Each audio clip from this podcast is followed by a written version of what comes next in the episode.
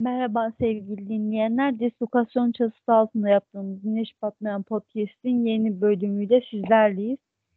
Emrecan, Melih ve e, özel bir konuğumuz var. Bugün sevgili Arda Şahin bizimle birlikte olacak. Kendisi hasta bir Everton'lu. Biz de böyle bir taraftarı bulu, bulunca bırakmak istemedik. Hoş geldin Arda.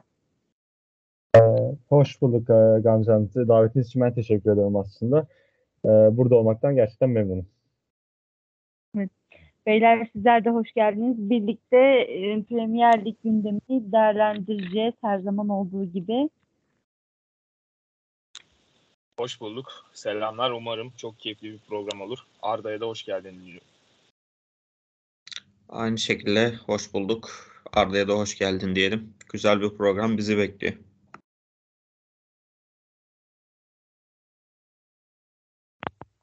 Ee, evet benim, benim ilk e, sorum olacak Arda'ya.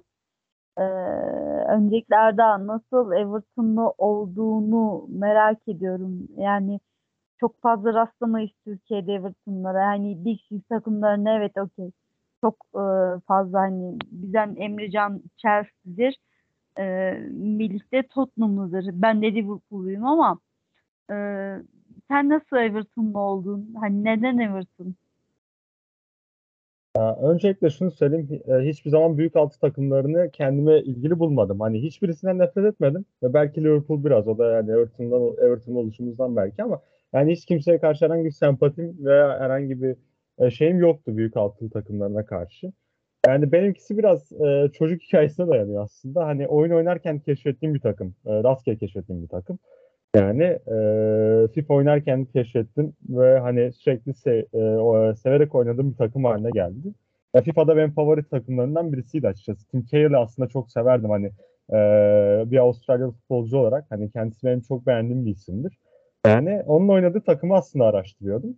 E, o an denk geldim Everton'a. Ondan sonra işte orada oynaya oynaya biraz tanıdım kendilerini. Sonra e, ke- kulübün yani ben tarihi seven bir insanım. Hani sadece tarih dersini ve e, hani anlatmayı da dinlemeyi de seven bir insanım.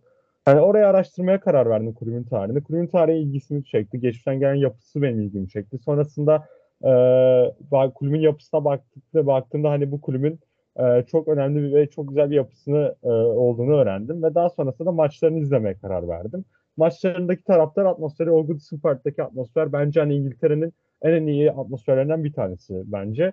Ve o atmosferdeki taraftarlar ilgimi çekti. Ve sonrasında ben de bir taraftar haline geldim. Ve yaklaşık 10 yıla yakında hatta belki 10 yıldan fazladır Everton maçlarını düzenli olarak takip eden bir taraftarı olarak da izleyen e, bir e, kişi haline geldim. Ve ben e, gururlu ve mutluyum. Yani bu kulübü desteklemekten hep gurur duydum. Çünkü topluma da çok yardım eden bir kulüp.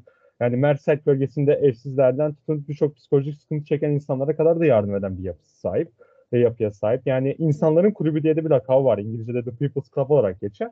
Yani insanların kulübü, insan dokunan bir kulüp olduğu için ben Everton tutmaya karar verdim. Evet şu sıralar acı çektiğim doğrudur ama genel anlamda bu kulübü tutmaktan her zaman memnun oldum ve gurur duydum yani.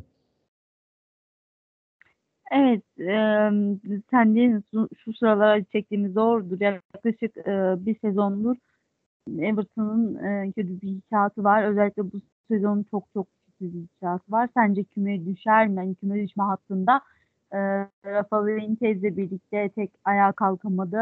O gitti. Frank Lampard'ın da çare olamadığını eee, düşünüyoruz ki sen buna biraz tepki göstermişsin. Nasıl değerlendireceksin? Ya şimdi öncelikle zaten Rafa Benitez'den konuşmak gerekirse Rafa Benitez Everton tarihinin hani e, 144 yıllık tarihinin bana kalırsa en kötü menajerlerinden bir tanesi. Hem istatistiksel olarak hem de hani karakter olarak gerçekten yani kötü menajerlerinden. Mesela hani bakıyorum geçmişe. Şimdi Everton tarihinde tabii çok çok kötü menajerler oldu. Hani e, isim verecek olursak Walter Smith var 98-2002.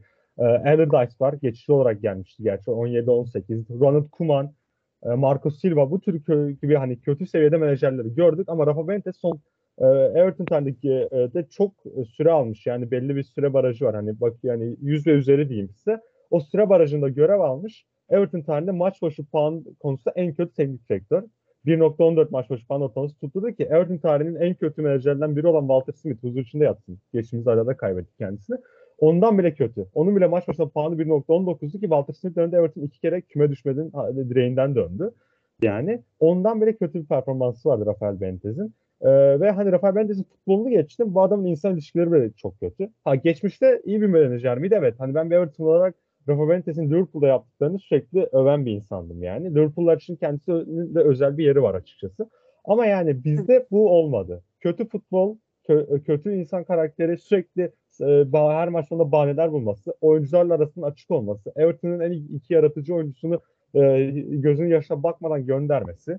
Yani aslında kendi kuyusunu kazdı ve bu hale bizi o soktu. Şimdi Frank Lampard da buradan çıkarmaya çalışıyor.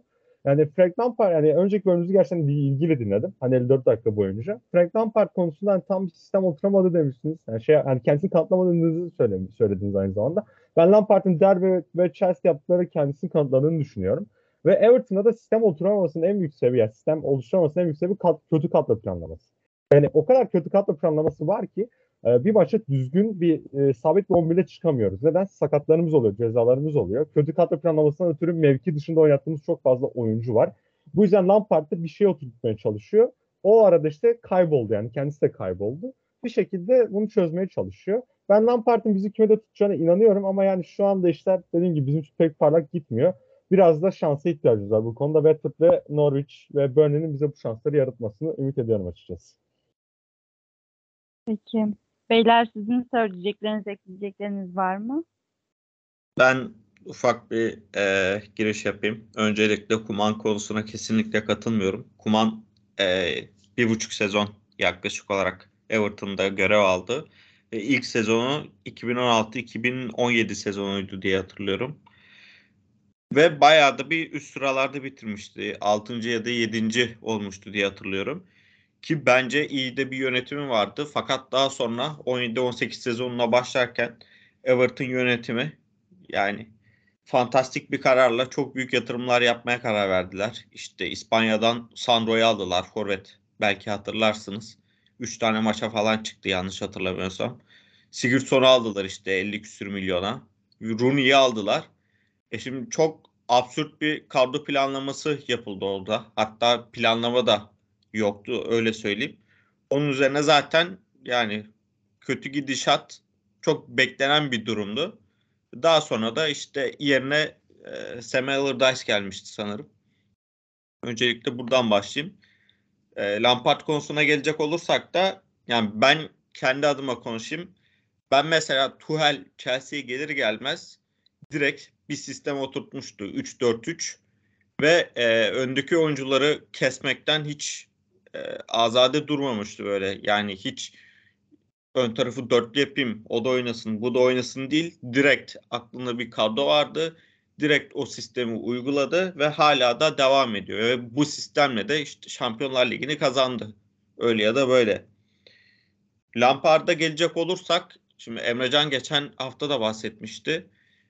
Dört maç üst üste farklı kadrolarla, farklı sistemlerle ve yapılarla çıktı. Yani bir maç topa sahip olurken diğer maç topu topu bırakan bir yapıyla oynadı. Onun dışında formasyon ve e, oyuncu seçiminde de çok fazla farklılık vardı. Bizim asıl bahsettiğimiz nokta zaten oydu. Gelir gelmez net bir sistem oturtamadı. Mesela hem Van de Beek hem Dele Alli o geldikten sonra e, takıma katıldılar, katıldılar ki Van de Beek'in e, Newcastle'a transferi daha çok konuşuluyordu başka takımlarla da adı anılıyordu. Özellikle Crystal Palace'la. Hatta Lampard gelip benimle konuşmasa Palace'a gidecektim diye bir demeci de vardı. Şimdi Lampard hem bu iki oyuncunun alınmasında e, önemli bir rol oynarken şimdi böyle iki transfer yapıyorsunuz. Biri yedek kalıyor. Yedek kalan oyuncu da kulübün bonservisini aldığı bir futbolcu. Şimdi ikisi de benzer yapıda oyuncular. Siz bu iki transferde de önemli bir rol oynuyorsunuz. Böyle bir rol oynarken bu iki oyuncuyu da takıma entegre etmesini beklerim ben şahsen. Hadi diyelim Delali, Delali özelinde performans düşüklüğü var. Buna tamam diyelim. E, onu geçtim. Şimdi bunun haricindeki kadroda da çok fazla değişiklik oluyor. Devamlı bir sistem değişikliği, devamlı bir formasyon ve oyuncu değişikliği var. Çok fazla. Yani oyuncu sirkülasyonu çok fazla. Dolayısıyla net bir sistem oturtamadığı için, e, net bir formata geçemediği için ben eleştirmiştim. Kendi adıma konuşayım. Hala da aynı şeyi savunuyorum. Yani bu hafta da galibiyet aldılar çok fantastik bir maç sonucunda ama yine o maçta da çok e, nasıl diyeyim memnun edemediler bence taraftarı. Evet.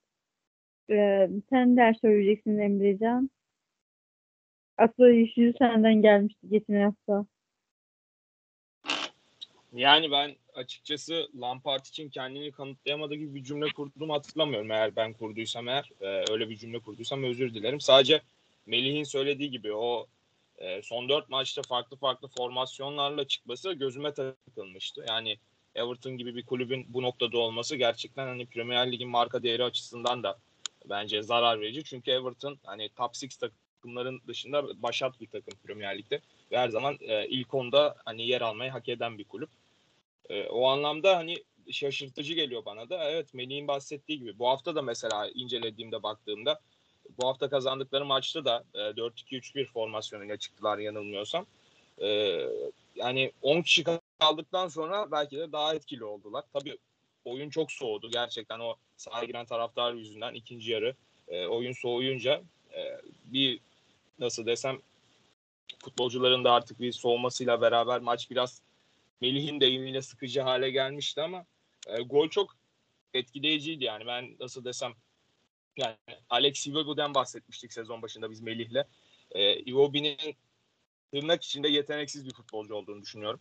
Hatta Arsenal'ın en büyük yaptığı işinde e, Iwobi'yi Everton'a hani satması olduğunu düşünüyordum. Ancak bu hafta yaptığı gerçekten o topu taşıması ondan sonra e, Calvert-Lewin'in olduğu duvardan sonra da topu alıp sol ayağıyla harika bir plaseyle köşeye bırakması etkiledi beni. O anlamda tebrik ederim. E, o anlamda biraz sözlerimi geri almayı düşünüyorum Iwobi hakkında ama e, Everton nasıl desem ben bu sene Everton çok fazla sakatlık yaşadı. Gerçekten zaten Dominic Calvert-Lewin e, sezonun ilk 3 haftasında forma giydi. Ondan sonra ayak parmağı kırıldıktan sonra da 17. haftaya kadar hatta pardon 18. haftaya kadar dönemedi. E, bu dönemde zaten Everton'un bu sezonki en büyük sıkıntısı gol yükü. Yani gol yükünü çekecek aslında iyi oyunculara da sahipler. Yani Richarlison hala büyük bir marka, büyük bir değer. Onun dışında Demarai Gray zaten e, çok kelepir bir transfer olmuştu Everton açısından ve e, etkili de bir oyuncu. Ben Townsend'i de çok beğeniyordum Crystal Palace'dayken. E, onun takıma katılmasıyla beraber e, Everton'ın iyi bir hücum hattına sahip olduğunu düşünüyordum ama nitekim e, konuştuğumuz gibi yani kadro planlaması bence biraz burada yanlış yapıldı. E, bu da sonuçlara yansıdı zaten. E, hani diyecek bir sözüm yok. Dediğim gibi geçen hafta konuştuk zaten. Everton'ın ben küme düşeceğini zannetmiyorum. E, bu hafta da sansasyonel güzel bir galibiyete imza attılar. E, ama önlerindeki fikstürde zor rakipler de var. E, küme düşme, düşeceklerini düşünmüyorum ama e, iyi bir sırada bitirirler mi ondan da pek emin değilim. E, bu noktada Arda'ya dediğim gibi şeyi sormak istiyorum. Yani az önce Townsend'den bahsetmiştim. E, Townsend zaten sezona ilk 11'de çok fazla maça çıktı. Yani 16. haftaya kadar e, çok iyi süreler aldı. Bir tek ikinci hafta Leeds maçında bir 15 dakika sahada kalmış. Onun dışında genelde 90 dakika, 70 dakika, e, bu 70-90 dakika arası süre aldığını görüyorum. Bir anda kadrodan kesildi. Yani Chelsea maçıyla beraber. E, kadroda yok yazıyor burada. Transfer mark verilerine bakıyorum. Ondan sonrasında da bir, türlü, bir türlü takıma entegre olamadı. E, sence buradaki en önemli sebep ne? Hani e, çünkü benim beğendiğim bir oyuncu. Evet bu senede hani Everton gol yükünde gerçekten sıkıntı çekiyor ve 3 gol atmış ama bakıldığında Demarai Gray'de 5 gol atmış en çok gol atan. E, bunu temel sebebi sence ne Arda? Şimdi bana sezon öncesi Townsend'in böyle bir performans göstereceğini söyleseydiniz 7 gol 3 asisti var bu sene Townsend'in tüm kulvarlarda. Bana şaka mı yapıyorsunuz derdim açıkçası. Çünkü Crystal Palace'daki son sezonu baya hani e, durağandı. Hani Palace'a gol katkısı falan da vermiyordu kendisi. Yani e, ve bize gelince birden Rafa Benitez döneminin bir parçası haline geldi. Hani böyle takımı sırtında taşıyan e, hani e, işte gol yükünü çekmeye çalışan bir adam haline geldi. Ama ben sonrasında bu performans düşüklüğünü bekliyordum. Çünkü hani Townsend'in kapasitesi bir yere kadar. Yaş artık 30'un üzerine geçmiş.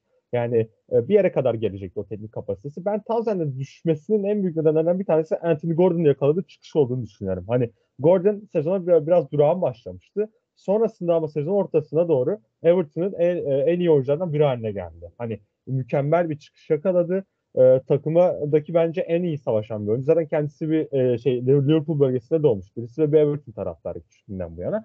Yani Gordon öyle bir çıkış yakaladı ki bir yerden sonra hani Benitez'de e, de Townsend'i kesip Gordon'la Gray'i bir araya oynatmaya çalıştı. İşte Richarlison'ı ileri uca attı falan. Yani o yüzden Townsend'in bence kesmesinin en büyük faktörü bu. Anthony Gordon yakaladığı inanılmaz çıkış. Çünkü normalde sezon başında başladığınızda Gray ile Townsend'in daha çok beraber oynadığını zaten siz de görmüşsünüzdür. Sonra Gordon o büyük çıkışı yakaladı ve e, Townsend'i kesti. Hatta Bentez e, biraz da kendisi kurtaran oyuncu Gordon ve Townsend'i beraber oynatmaya çalıştı. İşe yaramadı. Bu iki oyuncu birbiriyle anlaşamazken aynı zamanda hücum birbiriyle olan bağlantıyı da kuramadı. En sonunda Townsend'i kesmeye karar verdi.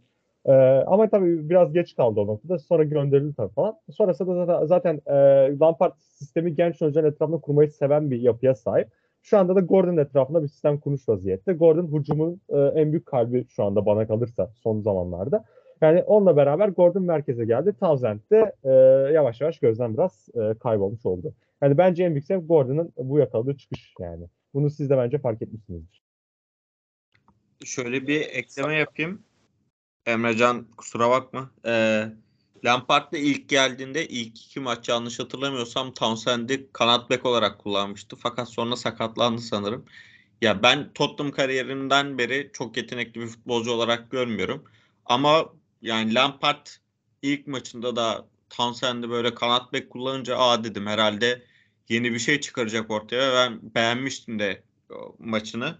Ama sonra dediğiniz gibi yavaştan kesildi. Burada tabii hocanın üçlüden vazgeçme şeyde kararda etkili sanırım.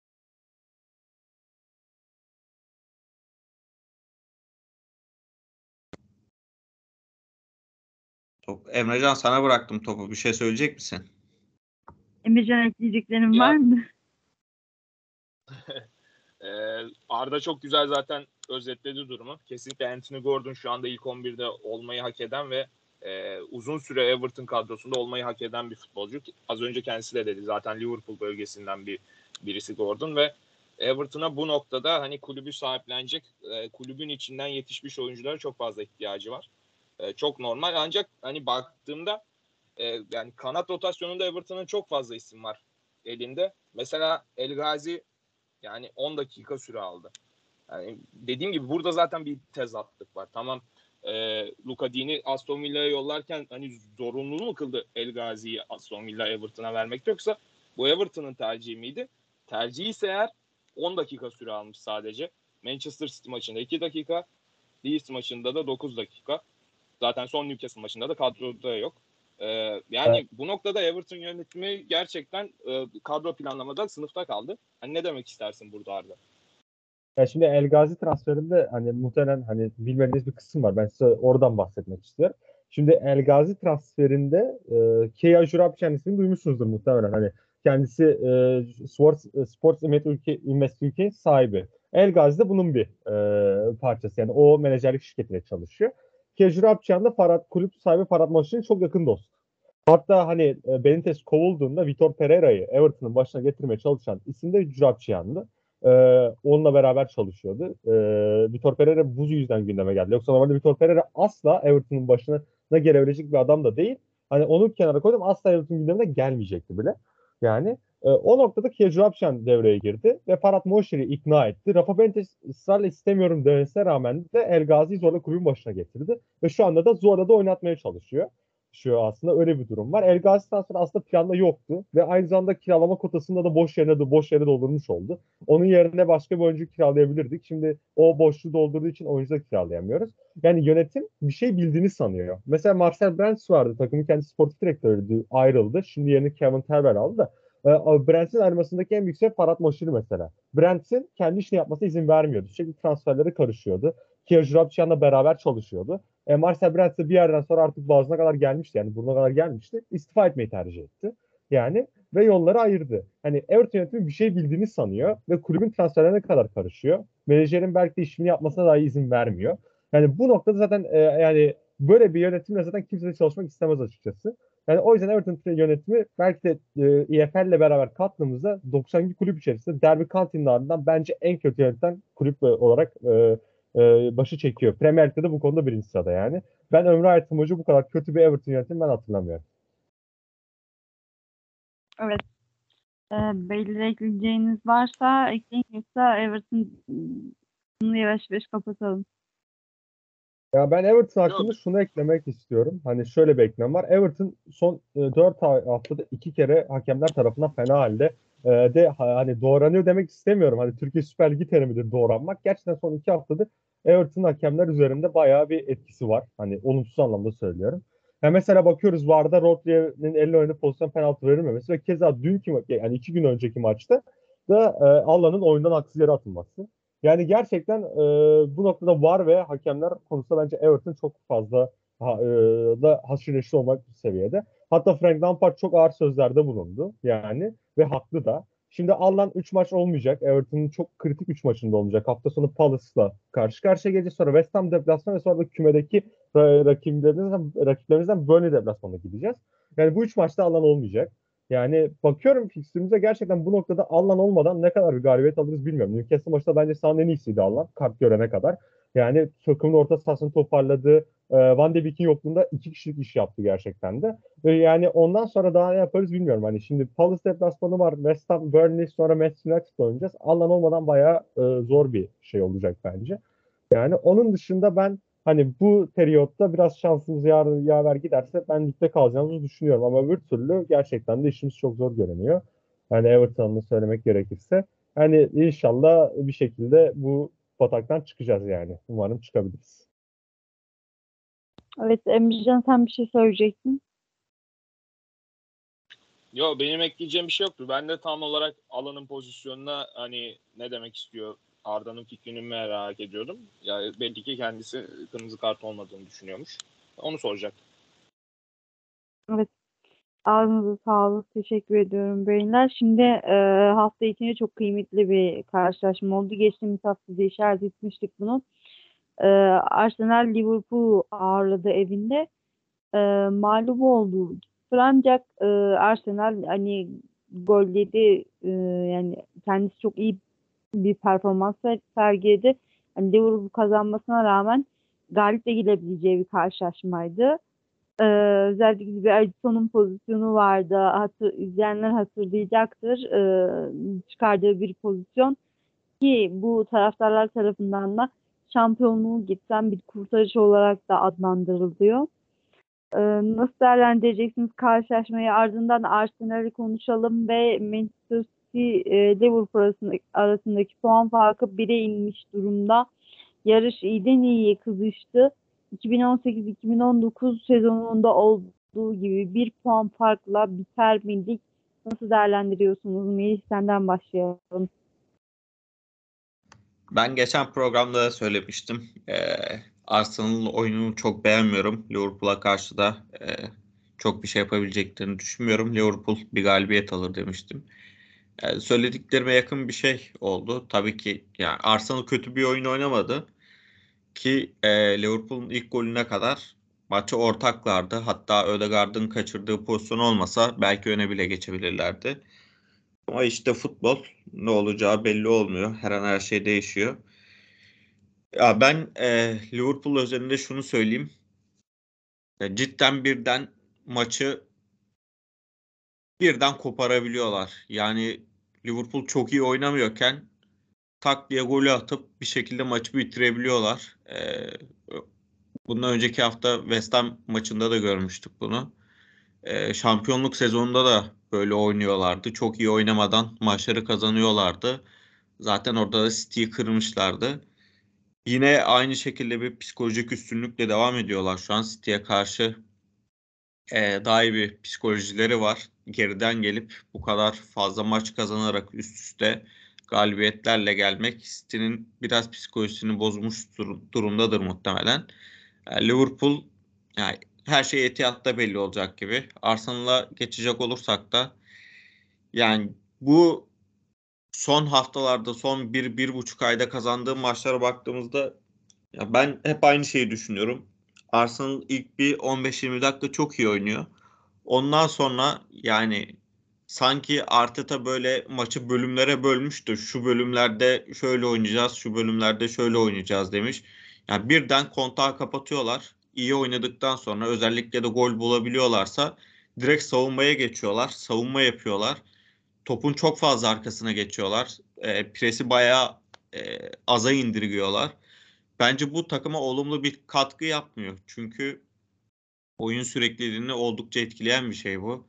Yani parça parça atak yapıp parça parça savunma yapmak yani şu ana kadar çok rastlamadığım bir şey üst düzey takımlarda. Dolayısıyla yani bence bu Arteta'nın verdiği bir karar. Çünkü her maç takım böyle bir şey yapsa yani Arteta istemeden böyle bir şey yapsa takım Arteta müdahale eder diye düşünüyorum. Dolayısıyla Arteta'nın böyle bir karar verdiğini düşünüyorum. Yani skoru korumak öncelikli. Daha sonra da işte atabilirsek bir bir tane daha atabiliriz mantığıyla hareket ediyor bence ki yani bu bence çok sakıncalı bir düşünce. Çünkü özellikle yani bunu Mourinho'dan biliyoruz. Tam istediği takım olmayınca da Mourinho'nun e, işte maçları nasıl kıramadığını biliyoruz. Arsenal da şu an öyle maçları kıramıyor bence. Ee, en son Aston Villa maçında da böyleydi. Aston Villa ikinci yarıda oldukça maça ortak oldu. Yani e, Arsenal golü bulduktan sonra rakibin üstüne daha çok gidip daha çok gol atmaktansa savunma pozisyonuna geçip e, işte maçın geri kalanını bir şekilde kurtarmaya çalışıyor gibime geliyor. Bence böyle çok fazla ilerleyemezler. Her ne kadar galibiyet alsalar da zorlu bir fikstüre giriyor onlar da. Bakalım ne olacak. Ama çok olumlu şeyler düşünmüyorum Arsenal hakkında ben. Evet Emrecan e, Melih aslında giriş yaptı ama ben bugünkü karşılaşmayı soracağım Aston Villa karşısındaki performansını. Nasıl buldun? Arsenal'in geleceğini nasıl görüyorsun Emrecan şey Melih'ten farklı olarak? Yani e, her hafta söylediğim gibi ben bir Chelsea'li olarak Arsenal'ın iyi yolda olduğunu düşünüyorum açıkçası. Melih'e katıldığım nokta kesinlikle zaten sekans sekans iyi oynamaları. Kesinlikle bu oyunu 90 e, dakikaya hatta bazen 45 dakikaya bile yaymaları çok zor oluyor. E, bunun da en büyük etkisinin ne bileyim e, çok fazla genç oyuncuya sahip olmaları ve daha henüz takım kimyasının oturmadığını düşündüğümden mütevellit böyle düşünüyorum. Ancak bence çok iyi bir iskelet kurmaya doğru gidiyor Arsenal. Baktığınızda yani 30 milyon pound'a yedek kaleci olarak alınan Ramsdale yani şu anda İngiltere'nin en iyi kalecisi olarak addediliyor. E, yani burada tırnak içinde tabii Arda belki Pickford'un hala daha iyi olduğunu düşünüyordur ama e, son dönemde Ramsdale inanılmaz formda. Onun dışında e, savunmada zaten Gabriel Ben White ikilisinin bence çok iyi bir ikili olacağını yani şimdiden iyi bir noktaya çıktığını düşünüyorum. Arsenal e, özelinde konuşuyorum tabii ki bunu. Çünkü Arsenal yani kendi sahasında her zaman taraftar tarafından hani ne bileyim ıslıklanan e, daha doğrusu e, inanılmayan bir kulüp olmaya başlamıştı son dönemde. Ancak Liverpool'a kaybettikleri maçta bile e, taraftarı kulübü bağrına bastı ve alkışladı. Çünkü ortaya koydukları eforu, e, o kan ve teri yani gördüler. O yüzden ben Arsenal'ın taraftarıyla bütünleşip iyi yolda olduğunu düşünüyorum. Yani bu takıma e, genel anlamda e, nokta atışı 2-3 tane transfer olduğunu, transferin gerekli olduğunu düşünüyorum. Birisi kesinlikle zaten orta saha. Bunu her hafta konuşuyoruz. Tartışmasız e, Thomas Partey zaten Arsenal'da yani ne zaman var olsa Arsenal'ın maçı kazanma olasılığı yüzdesi daha fazla artıyor. Onun yanına gerçekten e, topla oynayabilen e, iyi bir orta saha. Yani ismi geçen orta sahalarda şu anda Leicester'da sanırım Brandon Rodgers'la bir kavga çıkmış. Arasında Tielemans'ın Arsenal'ın adı geçiyor. Ee, onun dışında Ruben Neves Wolverhampton'dan veya Fabian Ruiz haberini okudum Napoli'den. Ee, yani bu tarz bir orta sahayla beraber Arsenal'ın orta saha kalitesinin üst seviyeye çıkacağı aşikar. Ee, onun dışında Melih'e katıldığım başka bir nokta bugün belki gol attı Bukayo Saka ama e, fazla hype'lanan bir oyuncu olduğunu düşünüyorum. İyi bir oyuncu ama e, gereğinden fazla e, müthiş işte dünyanın en iyilerinden falan gibi bazı yorumlar oluyor. Buna da katılmıyorum. Hep diyorum ee, kardeşim bugünkü... overrated. Overrated bu futbolcu. Ya bugünkü oyuna gel- gelecek olursak da ben zaten maçın ilk yarısını izleyemedim. E, ikinci yarısından değerlendirmem de hani ne kadar doğru olur bilmiyorum ama e, yani pek fazla bir söyleyeceğim bir şey yok çünkü maçı çok e, net şekilde takip edemedim. Evet. Arda senin de ekleyeceklerin var mı? Ee, evet. Arsenal'ler ya şimdi öncelikle ben üç nokta, yani üç konudan konuşacağım. Birincisi Aaron Ramsdale, ikincisi Arsenal, üçüncüsü Liverpool. Liverpool'la başlamak istiyorum. Hani Everton taraftarı olsam da Liverpool'u gıptayla izlediğim bir takım. Hani dört dörtlük bir takım. Jurgen Klopp gibi menajerin altında mükemmel bir oyun ortaya koyuyorlar. Yani ve Arsenal'e karşı bunu da yapmayı başardılar. Yani e, Arsenal'i çok fazla oyna yani ortak ettikleri noktalar oldu ama ben Arsenal'de özellikle çok fazla te- yüksek tempoda oynamalarına izin vermediklerini düşünüyorum. Çünkü normalde Arsenal yüksek tempo yani vitesi arttırabilecek bir takım. Özellikle kontralara geldiğimizde. Hani bir sağdan bir sağdan ucunu hani inanılmaz sürede kat ediyorlar ve oradan golü buluyorlardı. Özellikle bunu buna çok çalışan bir e, Liverpool vardı bence ve buna olabildiğince engel olmaya çalıştılar ve iki tane de e, iki golle de kazandılar. Ancak Trent Alexander-Arnold'un eksikliği onları biraz vuracak gibi görünüyor. E, kulübün açıklaması o yönde. Yani uzun bir süre sahadan uzak kalacak gibi görünüyor. Kim oynar? Hani en e, akla gelecek isim tabii ki noktada deneyimli Milner. Hani James Milner'ın o noktada oynamasını ben bekliyorum açıkçası. Ama Milner Arnold'un eksikliğinde o tempo yani diğer farklı takımlara karşı e, nasıl da yani o yaşında nasıl e, oynayacak henüz onu bilemiyoruz. Tabii çok büyük bir oyuncu. Çok beğendiğim bir oyuncu. O yaşına rağmen yine de iyi oynayan bir oyuncu. Ve güvenilir bir oyuncu. Ama bakalım hani uzun yani o yoğun maç temposunda Milner neler yapacak? Orası soru işareti. O noktayı çözebilirse Klopp zaten psikolojik üstünlük kendilerinde ve City'de geriden gelip öne geçecekler. Geçeceklerini düşünüyorum. Arsenal'e gelecek olursak bence hani ben Arteta'nın özellikle sezonun ortası yani bir bölümünde çok kötü futbol oynattığı bir dönem vardı. Hatta Everton'a da mağlup olmuşlardı.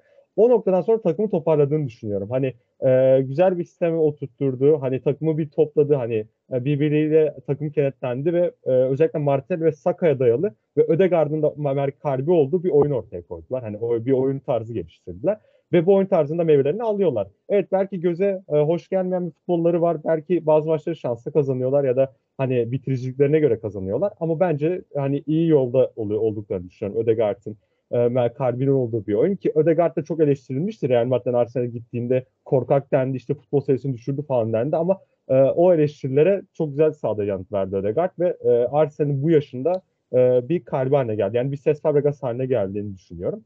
Eğer Ramsdale'e gelecek olursak bence Liverpool maçında iki golde de çok net hatası vardı. Hani e, o hatalara tabii genç kaleci hata yapacak. Ama o hatalar dikkat çekiciydi ki bence bilmiyorum hani buna katılır mısınız bilmiyorum ama Arteta bu hataları görerek de belki de Bert Leno'ya Aston Villa gibi zorlu bir deplasmanda şans verdi. Ve Leno da gayet güzel bir performans gösterdi bence. Ramsdale'in hala Pickford'un gerisinde olduğunu düşünüyorum ama Pickford'dan sonra İngiltere karesine yazacağım isimlerden birisi kendisi. Ben hani Arsenal'deki performansını da beğeniyorum ve Pickford'un çok çok düşük bir formunda da kaleyi Gareth Southgate'in hani arkasına bakmadan hani şu direkt teslim edeceğini düşünüyorum Ramsdale'e. Ama Pickford hala bence çok iyi konuda ve Everton'ın bazı maçlarda bir puan daha iyi almasını sağladı bu sene. Yani mesela Chelsea maçı 11 tane ceza sahasında net kurtarışı vardı o maçta. Sayısız örnekleri var tabii ama Ramsdale'ı ben beğeniyorum yani ve Pickford'dan sonra İngiltere karesine birinci sıraya yazacağım kişidir kendisi yani. Onun dışında başka ekleyeceklerim yani bulunmuyor. Ee, onu söyleyebilirim yani. Ya şöyle bir evet, ekleme yapayım. Kusura bakma Gamze. E, Ramsdale bildiğim kadarıyla sakattı. Çünkü kadroda da yoktu. Evet. Yani hafta içi sakatlandı diye biliyorum. Kadroda olmamasının sebebi de bu. Zaten James Dale sezon başından beri o kadar iyi performans sergiledi ki yani ben Arteta'nın sanmıyorum ki iki hatadan dolayı Ramsdale'i kaleden çekecek. Yani bilemiyorum. Bilmiyorum. Ya sakat karar... olabilir. Kadro, ya, ya, yalan söylemeyeceğim. Aston Villa maçının kadrosuna bakmadım ama yani Leno'nun oynamasına yani yani şaşırmadım. Açıkçası onu demeye çalışıyorum aslında. Yani ama yani dediğim evet. gibi iki net hatası vardı Liverpool maçında. Hadi, hadi önceki söylediklerimi unutun. Hani bir kenara koyun. Ama yani e, dediğim gibi o hatalar olur, olacaktır da. Ama dediğim gibi ben daha önce söylüyorum. Pickford'dan sonra İngiltere kalesine ben bir numaraya yazarım hani Ramsdale'ı. Hani onu Yazılır. söyleyeyim. İngiliz medyası tarafından da yazılıyor, çiziliyor çok fazla bir şekilde. Aston Villa tarafına geçelim. Bunu da konuşacağız dedik. Ee, Steven Gerrard geldiğinden beri 18 maçta 8 galibiyet, 8 mağlubiyet, 2 beraberlik ve 26 puan topladı.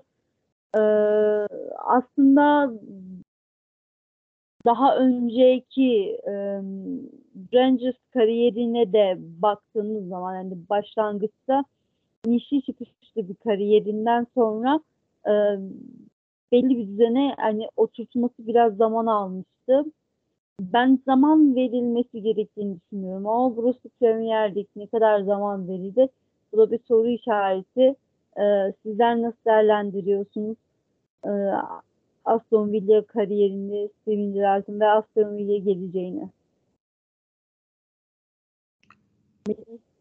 Ben başlayayım. Ee, yani ben Gerard geldiğinde aslında beklenti bir tık daha yüksekti. Şöyle ki e, çok daha iyi bir sistem oturtabileceğini düşünüyordum ki devre arası e, yani en iyi geçiren takım da sanırım Aston Villa diyebiliriz. Hem Coutinho'yu aldılar hem Luka Dini aldılar. Yani bence istediği oyuncuları da e, kavuşmuşken biraz daha iyi bir yapı çıkarabilirdi diye düşünüyorum. E, onlar da çok standart değiller. Özellikle ön tarafta. E, ön taraftan hala istediği beklediği katkıyı alamıyor. Bazen e, çift forvet oynuyor bazen bu Arsenal maçında olduğu gibi Coutinho ve Buendia ile çıkıyor. Ya ben hala e, istediği oyunu oturtamadığını düşünüyorum. Ama e, oynatmak istediği oyunun da e, çok şaşalı, göze çok hoş gelen bir futbol olduğunu da düşünmüyorum şu ana kadar gözlemlediğim kadarıyla. Yani biraz daha dengeli bir yapı oturtmaya çalışıyor. Ben öyle görüyorum. Maçlarda da özellikle Aston Villa çok iyi başlayamıyor maçlara. Daha ziyade maçların ikinci yarısını daha iyi oynuyorlar. Bu da bir sıkıntı tabii ki. Yani e, maç içerisindeki e, eylemleri, değişiklikleri tabii ki önemlidir teknik direktörün. Ama asıl olan A planıdır, başlangıç planıdır. Ki yani Aston Villa'nın gerçekten başlangıç planları genel olarak çok iyi tutuyor diyemeyiz. Özellikle ön taraftan da çok fazla katkı alamıyor. Bunda değişikliklerin bu kadar çok olmasının sebebi de bu. Yani ön taraftan son haftalarda sadece Coutinho'dan düzenli bir etki alabildi. Yani ben çok etkileyici görmüyorum Gerard'ı. Ben benim beklentim biraz daha yüksekti. Ama tabii ki devre arasında geldi. Daha istediği yapıyı, daha istediği transferleri yapamadı, oturtamadı. Gelecek sezon sonu itibariyle daha net fikirler edinebiliriz diye düşünüyorum. Ha, bu geldiğinden bu yana Aston Villa hiç fena bir yolda değil. Bayağı da puan topladı. Hiç azımsanmayacak derecede. Ama dediğim gibi benim beklentimle alakalı bu durum. Ben bir tık daha fazlasını bekliyordum. Çok daha dengeli oynuyorlar.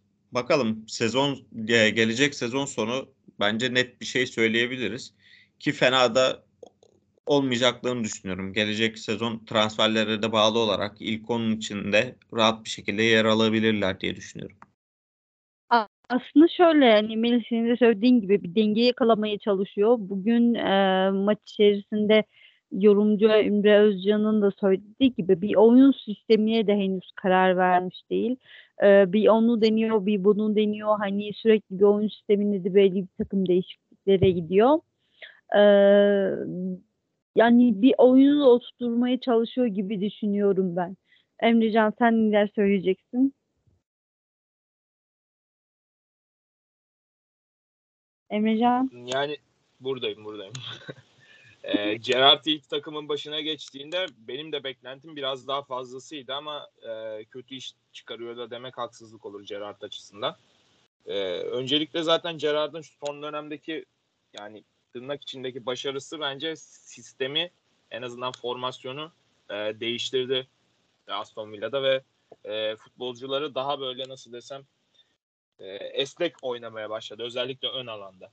E, yani geçen sene daha 4-3-3 vari bir Aston Villa varken şu anda 4-3-2-1 veya 4-3-1-2 tarzında bu e, çam ağacı modelinde oynadıkları yani gözle görülüyor zaten. Özellikle de bunu e, bugünkü Arsenal maçında da zaten öyle çıkmışlar sahaya. İlerideki oyuncular evet esnek halde oynuyorlar. Yani yer değiştirerek oynuyorlar. Tamam bu rakip takım için e, zor bir hale gelebilir. Yani bir futbolcuyu demarke bırakabilirsin. Onu marke etmek çok zor hale gelebilir sürekli yer değiştirdikleri için. Ve öndeki oyuncuları gerçekten hızlı Aston Villa'nın. Ancak mesela ben geçen sene Oli Watkins'i daha çok beğeniyordum. Ee, daha çakılı ve daha ileride tek tip santrafor tarzı oynadığında daha çok gole katkısı olmuştu. Şu an Aston Villa'da 7 gole imza atmış ve e, takımında en golcü ismi Premier Lig'de 7 golle. Yani bu şekilde oynatmaya devam ettiği sürece e, evet daha fazla kişiden gol katkısı alacak, daha fazla futbolcudan gol katkısı alacak Gerard. Ancak e, tek nasıl desem ya 10 golü 15 golü aşacak tarzda bir forveti bulunmayacak gibi duruyor. E, bu noktada hani benim canımı sıkan tek nokta bu. Onun dışında zaten orta saha üçlüsü çok dinamik ve e, her Premier Lig e, takımına zorluk çıkaracak tarzda bir orta saha üçlüsü. E, stoper hattında bir tek Tyron Mings evet kalıplı çevik bir stoper olabilir ama bazen işte saç baş yoldurtabiliyor. Harry Maguire tarzı hatalar yapabiliyor. E, kalecisi zaten e, Arsenal'ın önceki kalecisi Martinez çok iyi e, bir kaleci. O anlamda hani Aston Villa dediğim gibi bence de Arsenal'a yaptığım yorumu yapayım. Yani iyi bir iskelete sahip olduğunu düşünüyorum ve e, seneye nokta atışı transferlerle beraber ki bunların bazılarını zaten devre arası yapmışlardı. E, çok daha iyi yerlere gelebilecek bir kulüp olarak düşünüyorum. E, Gerrard da şu anda e, çok ya çok iyi bir hocalık yapıyor ve hani bu genç yaşında bence e, birçok şeyi de kanıtladı. Evet. Ee, Arda senin yorumun var mı? Nokta atış transferler dedi ki hani bu transferlerden bazıları da konuşuluyor. Özellikle Luis Suarez ismi ısrarla geçiyor medyada. Ee, neler söyleyeceksin sen? Ya şimdi şöyle söyleyeyim Steven Gerrard'ın hani Aston Villa gelişindeki yani amaç belliydi hani bir şeyleri oturtmak ve hani Avrupa için belki de hani mücadeleci takım olmak. Şu anda hani bu noktaya doğru ilerliyorlar. Evet belki bu sezon olmayacak. Hani e, onu söyleyebilirim. Belki bu sezon olmayacak Avrupa hedefi ama seneye e, eldeki oyuncularla e, bu Avrupa hedefi bir de üzerine tabii nokta atışı transferlerle bu e, e, iş çözülebilir. Bana kalırsa e, bir stoper e, bir orta saha merkez bir de golcü bir santrafor e, bence bu işleri çözecektir e, Gerrard adına ki bence kendisi de farkında. Hani eksiklerinin ne olduğunu. E, Ben hani Aston Villa e, Arsenal maçı üzerinde e, konuşmak gerekirse bir hatası vardı Gerrard'ın. O da Ebuendia ile Coutinho'yu aynı anda ilk 11 başlatmaktı.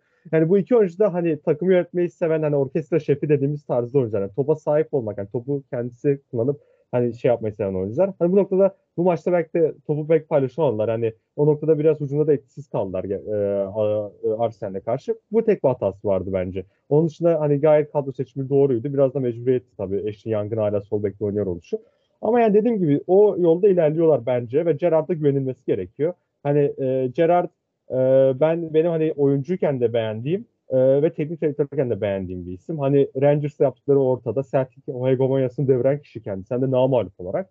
Hani bunu başaran bir hoca Gerrard'a güvenilmesi gerektiğini düşünüyorum ve o yoldalar bence. Yani Avrupa Kupası için mücadelesi takım olma yolundalar.